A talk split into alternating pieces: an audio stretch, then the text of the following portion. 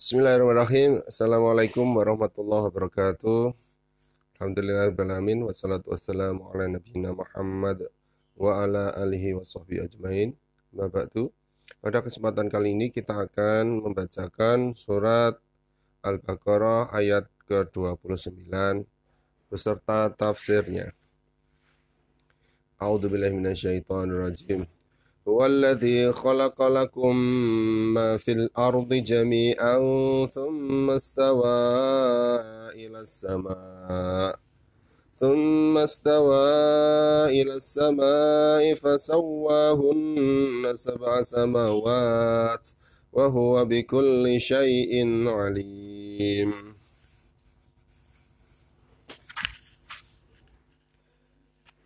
هو هو dialah alladzi yang huwallazi dialah yang khalaqa menciptakan huwallazi khalaqa.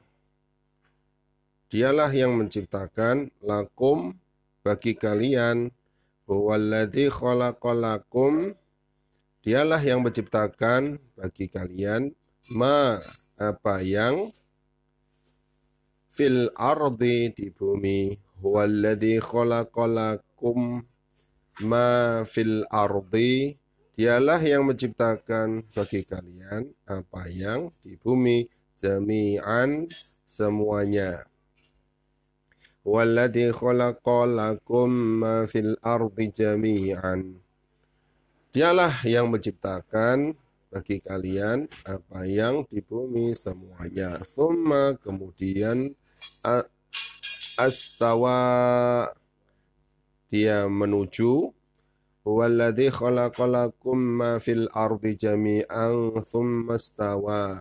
Dialah yang menciptakan bagi kalian apa yang di bumi semua. Kemudian dia menuju ilas samai ke langit. Thumma ila samai. Kemudian dia menuju ke langit. Fasawwahunna. Maka dia mengumpamakannya. Thummastawa ila samai fasawwahunna. Kemudian dia menuju ke langit, maka dia menyempurnakannya. Sab'a tujuh samawatin. Langit. Thumma stawa ila sama'i fasawwahunna sab'a samawatin. Kemudian dia menuju ke langit, maka dia menyempurnakannya tujuh langit.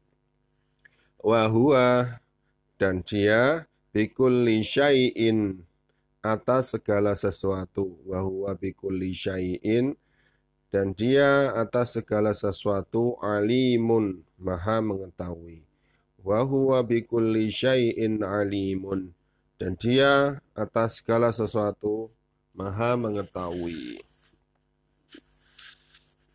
Tafsir dari ayat ke-29 surat Al-Baqarah ini maksudnya dia menciptakan segala sesuatu di muka bumi ini sebagai suatu kebaikan dan kasih sayang untukmu agar dapat diambil manfaatnya, dinikmati dan dijadikan pelajaran. Ayat ini mulai ayat ini merupakan sebuah dalil yang menunjukkan bahwasanya segala sesuatu itu pada dasarnya adalah mubah dan suci karena disebutkan dalam kerangka suatu anugerah dengan nas tersebut maka hal-hal yang kotor tidak termasuk di dalamnya. Dan sesungguhnya keharaman hal-hal yang kotor itu pun telah diambil dari pemahaman utama ayat ini. Fahwa al-ayat. Penjelasannya akan penjelasannya akan dimaksudkannya dan bahwasanya Allah menciptakannya untuk kemaslahatan kita. Maka apa pun yang ada bahayanya dalam hal itu, maka tidak termasuk di dalamnya.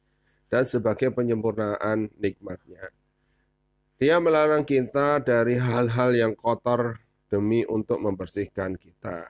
Dan firmannya, Tumastawa ila sama'i fasawwahunna sab'a samawat wa huwa bikulli syai'in alim. Dan dia bermaksud menciptakan langit lalu dijadikannya tujuh langit dan dia maha mengetahui segala sesuatu. Al-Baqarah ayat 29.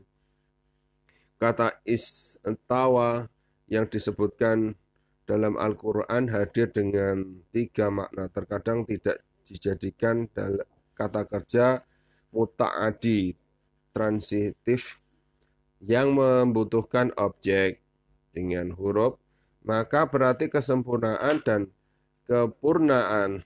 Sebagaimana firmannya tentang Musa alaihissalam, walamma balagha ashuddahu wastawa. Dan setelah Musa cukup umur dan sempurna akalnya. Al-Qasas ayat 14.